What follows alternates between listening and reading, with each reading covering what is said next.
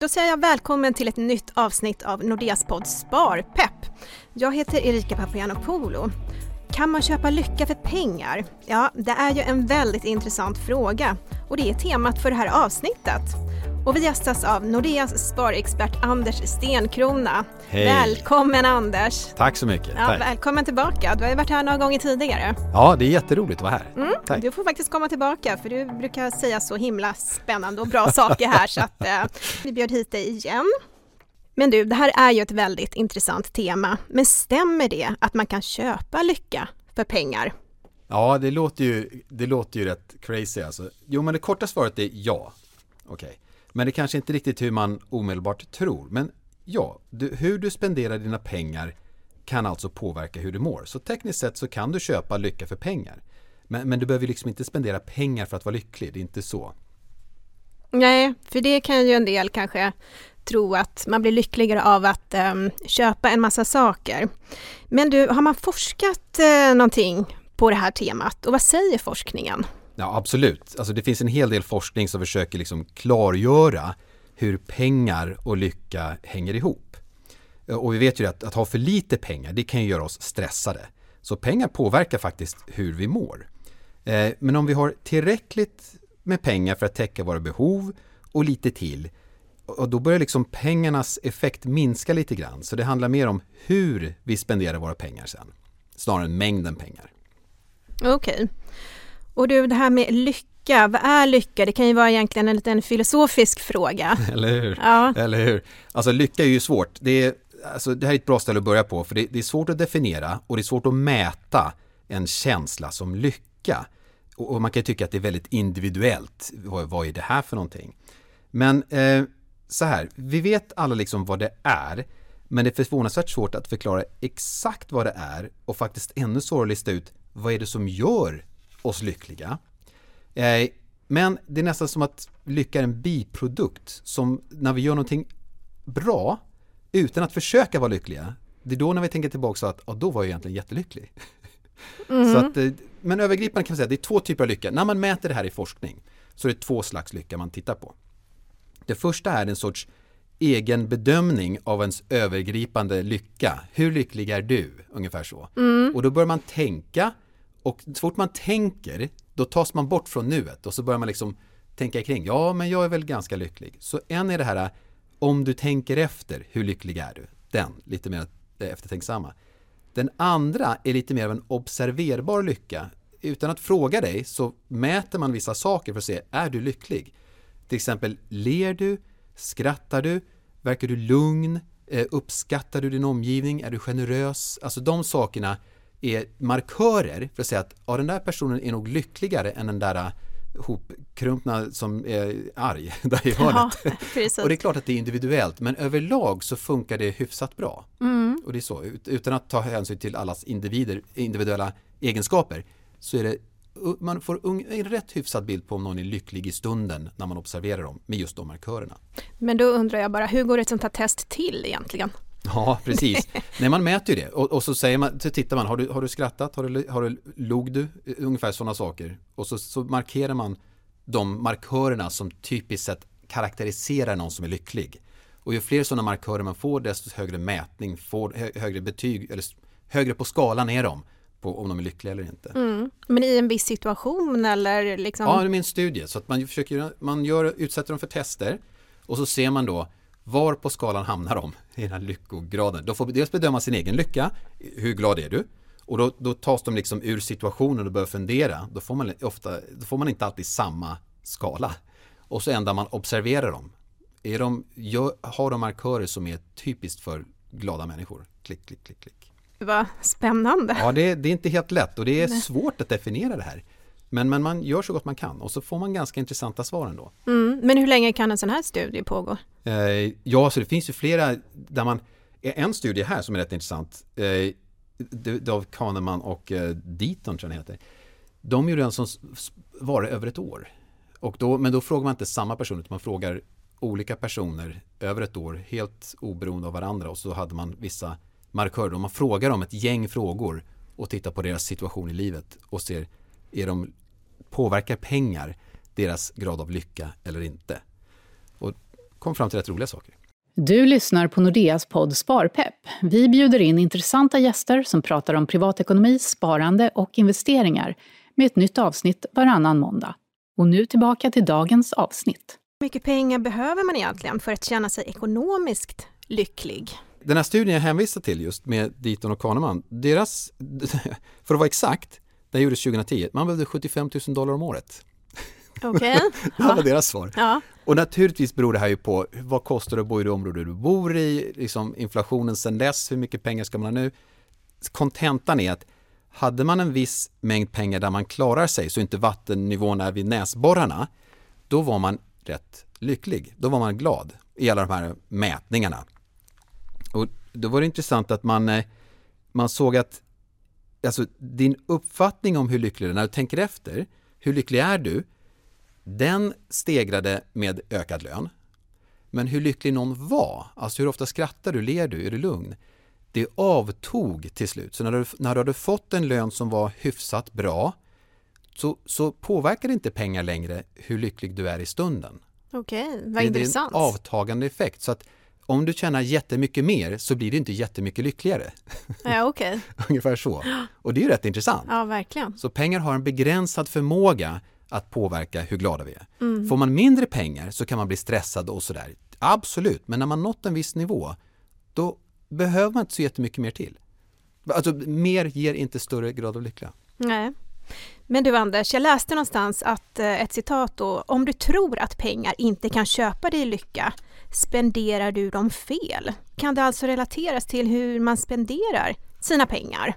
Just det, precis. Att om man, jag tycker det är ett kul citat, så att om, du, om pengar inte köper dig lycka så spenderar du pengarna fel. Mm. det är rätt bra. Mm, eh, och, det är ju så att eh, de, det finns ju de här studierna då, lyckoforskning, då försöker man ju titta på om hur pengar spenderas av olika människor och hur det påverkar hur de mår. Och det är ju, allt det jag kommer nu prata om är naturligtvis förenklingar av ett väldigt komplext ämne och alla individer och så vidare. Men det verkar funka för de flesta för det mesta. Så om vi bara tar oss för vad det är. Ja, men precis. Och vi kan väl säga att för att alla är ju olika. En del är Självklart. introverta, en del är extroverta. Det är inte så att man ska gå runt och skratta hela dagarna för att vara lycklig kanske, utan det är väl en viss balans som man vill uppnå, eller hur? Absolut. Ja. Jag, jag hörde ett så kul citat från en komiker. Han sa de satt vid ett bord och åt och så såg de en, en stackare som satt själv och åt. Så att, kolla den där människan, han sitter ju helt själv och äter. Så säger komikern, ja, he's living the dream. Eller hur? Så att vi är ju olika, naturligtvis. Mm. Ja. Men för det mesta så tycks det här, man är rätt överens att det verkar som att pengarna kan faktiskt påverka oss. Och det är tre, tre huvudsakliga saker som jag tänker gå igenom idag, som, som, som verkar stämma. Ja. Och det är ett, eh, spendera, alltså för att må bra av att spendera sina pengar. För det första, spendera på erfarenheter snarare än på saker.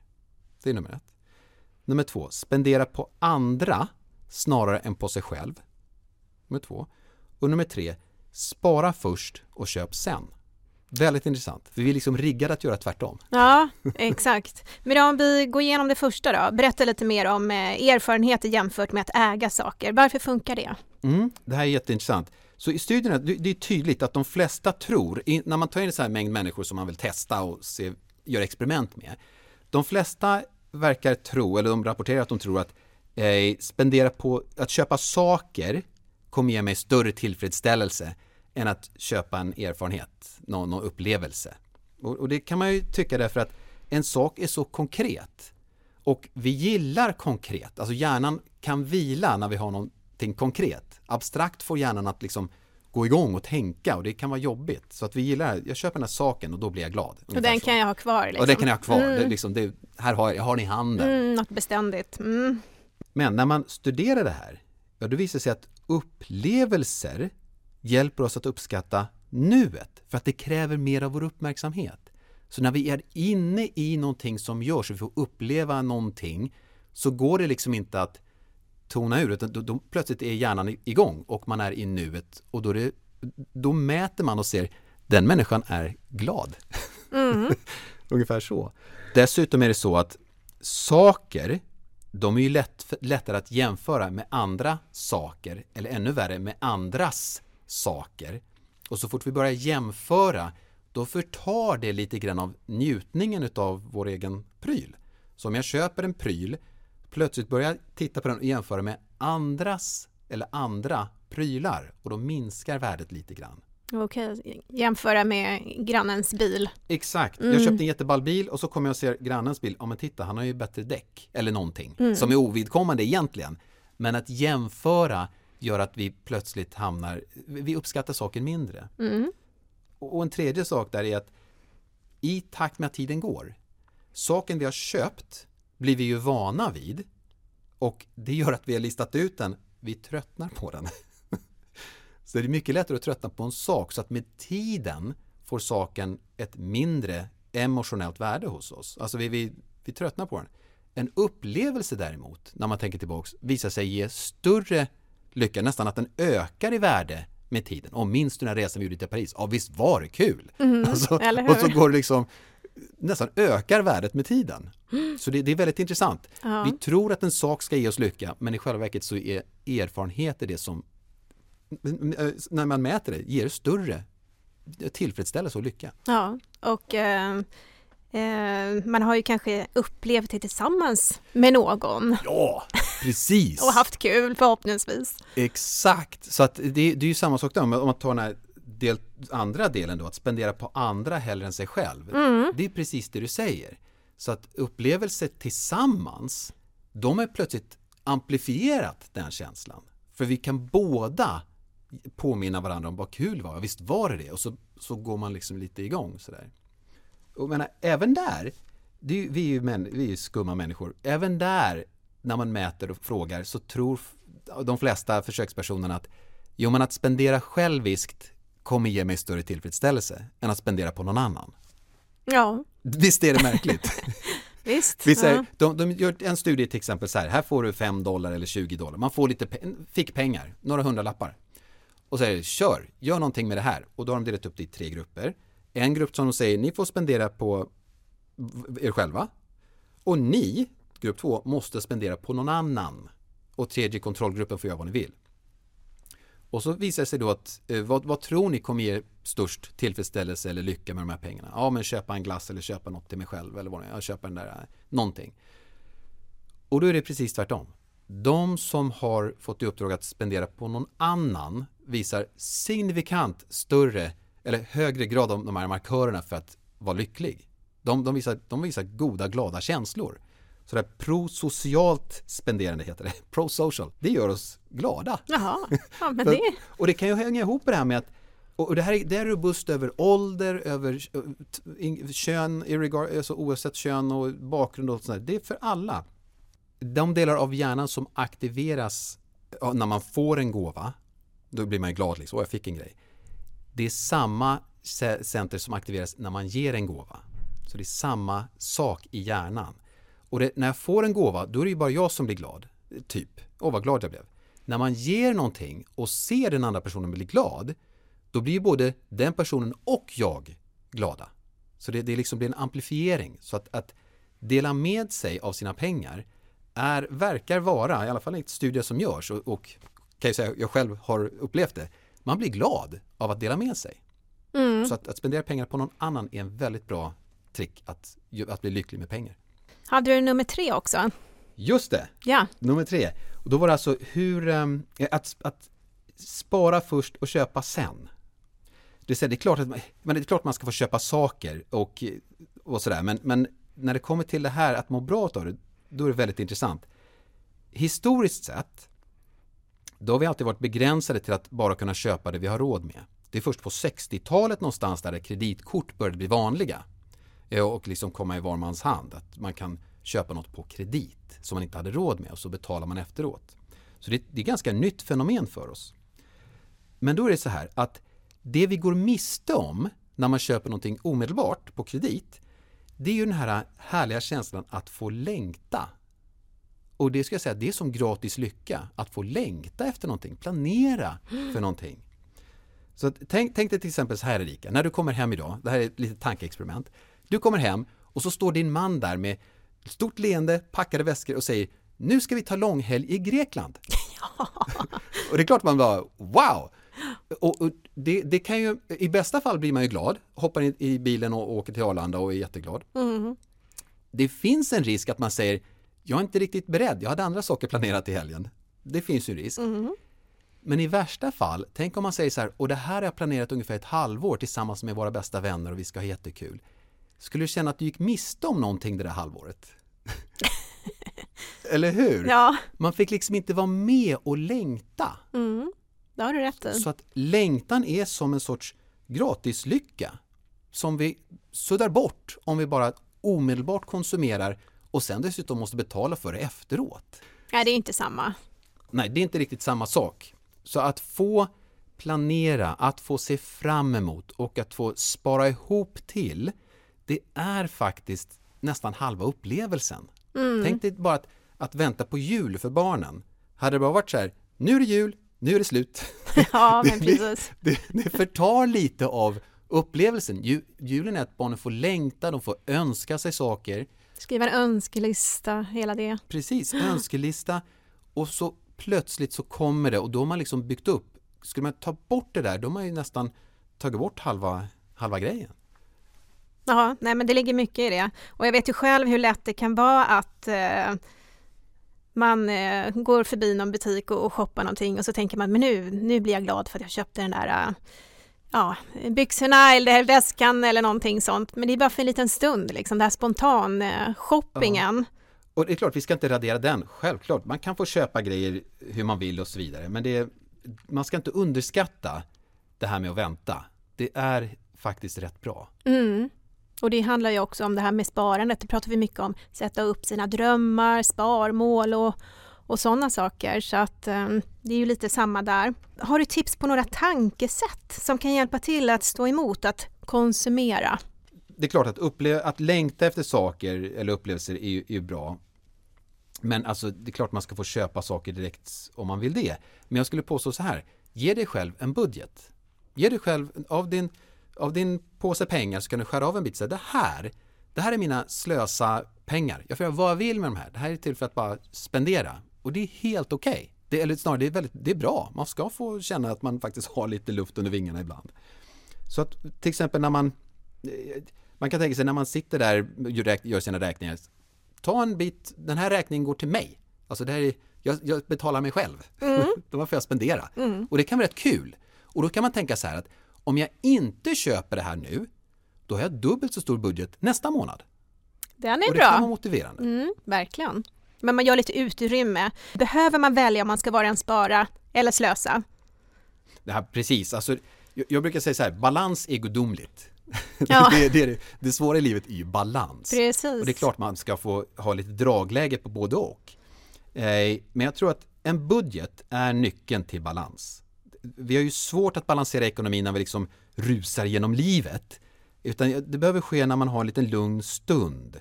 Och det tror jag är i takt, menar, de flesta av oss sitter väl kanske någon gång i månaden och just gör det här räknar, betalar räkningar. Då kan det vara den här lugna stunden och då kan man ha den här balansen så man slipper balansera medan man springer genom livet. Som säger, den här påsen med pengar är det och den här påsen med pengar är något annat. Så man har lite små, små högar. Din pengahög, slösa högen kan du ha. Och så, Ja. och så blir det lite lättare. Ja, men precis. Det låter jättebra. Jag tänker faktiskt så. Jag, jag gör också det. Jag Ja. tycker, jag tycker det är roligt. Ja. Alltså, det här är min slösahög. Ja. Och sen så just det här med att den kan växa om jag inte slösar nu. Ja, men precis. För mig är det motiverande. det är väldigt motiverande. Absolut. Men du Anders, eh, vad, vad skulle du vilja skicka med till lyssnarna? Du pratar ju ofta om att man kan hälsotesta sin ekonomi i fem steg. Precis, precis. Det här är en modell som vi försöker kommunicera ut så mycket vi kan. Vi, vi liksom har tagit fram en så förenklad och nerskalad tanke, eh, vad ska man säga, tankemönster som möjligt eller minnesregel som möjligt. Så det första är ju då att spendera mindre än du tjänar. Det tycker man är rätt logiskt. Så att du, alltid, så att du kan börja bygga upp ett överskott. Det är nummer ett. Och när du då har satt på den här kranen så att det faktiskt kan börja bygga upp ett överskott. För det första, se till att du har en liten buffert på plats. En liten 10 till 30 000 spänn, någonting så du kan hantera akuta eh, tand, laga tänderna eller köpa ett kylskåp. Det ska du kunna göra utan lån. Sen betala av alla dyra konsumtionslån. Du ska inte sitta där med höga räntor, de ska bort. Det ska du göra med det här, att eftersom du spenderar mindre, mindre än du tjänar så kan du betala av det där fort. Bygga upp en större sorts skyddsbuffert så att om du förlorar jobbet så kommer du kunna klara dig med, med sparmedel. Se till att pensionen är på plats och sen se till att du sparar till något riktigt kul och motiverande. Ja. De, de grejerna är, är liksom enkla steg till att må bra över sin ekonomi. Det är det det handlar om. Mm. Vilka kan liksom bocka av de här sakerna då mår man i regel rätt bra över sin ekonomiska situation. Ja, då får man balansen och, och kan sova gott på natten. Ja. ja. Och bli lycklig. Lycklig kan man bli. ja, härligt avslut Anders. Då eh, säger jag jättemycket tack för att du gästade Sparpepp idag. Och välkommen tillbaka mycket. snart igen. Tack för att ni lyssnat. Sparpepp är tillbaka om två veckor igen och då gästas vi av två fondförvaltare och de ska prata mer om innovativa bolag. Det blir väldigt spännande så missa inte det. Och kolla in nordea.se och våra sociala medier för mer inspiration. Och hör gärna av dig om du har tips på intressanta teman och gäster. Då mejlar du till sparpepp.nordea.se. Ha det fint! Du har lyssnat på Nordeas podd Sparpepp. Podden för dig som vill lära dig mer om privatekonomi, sparande och investeringar. Prenumerera gärna på Sparpepp i din podcastapp, så missar du inga nya avsnitt.